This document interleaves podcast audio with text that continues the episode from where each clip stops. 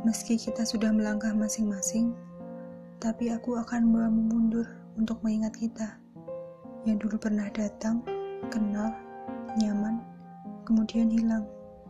Biarlah kataku untukmu yang berbicara. Cukup dengarkan dan jangan bosan.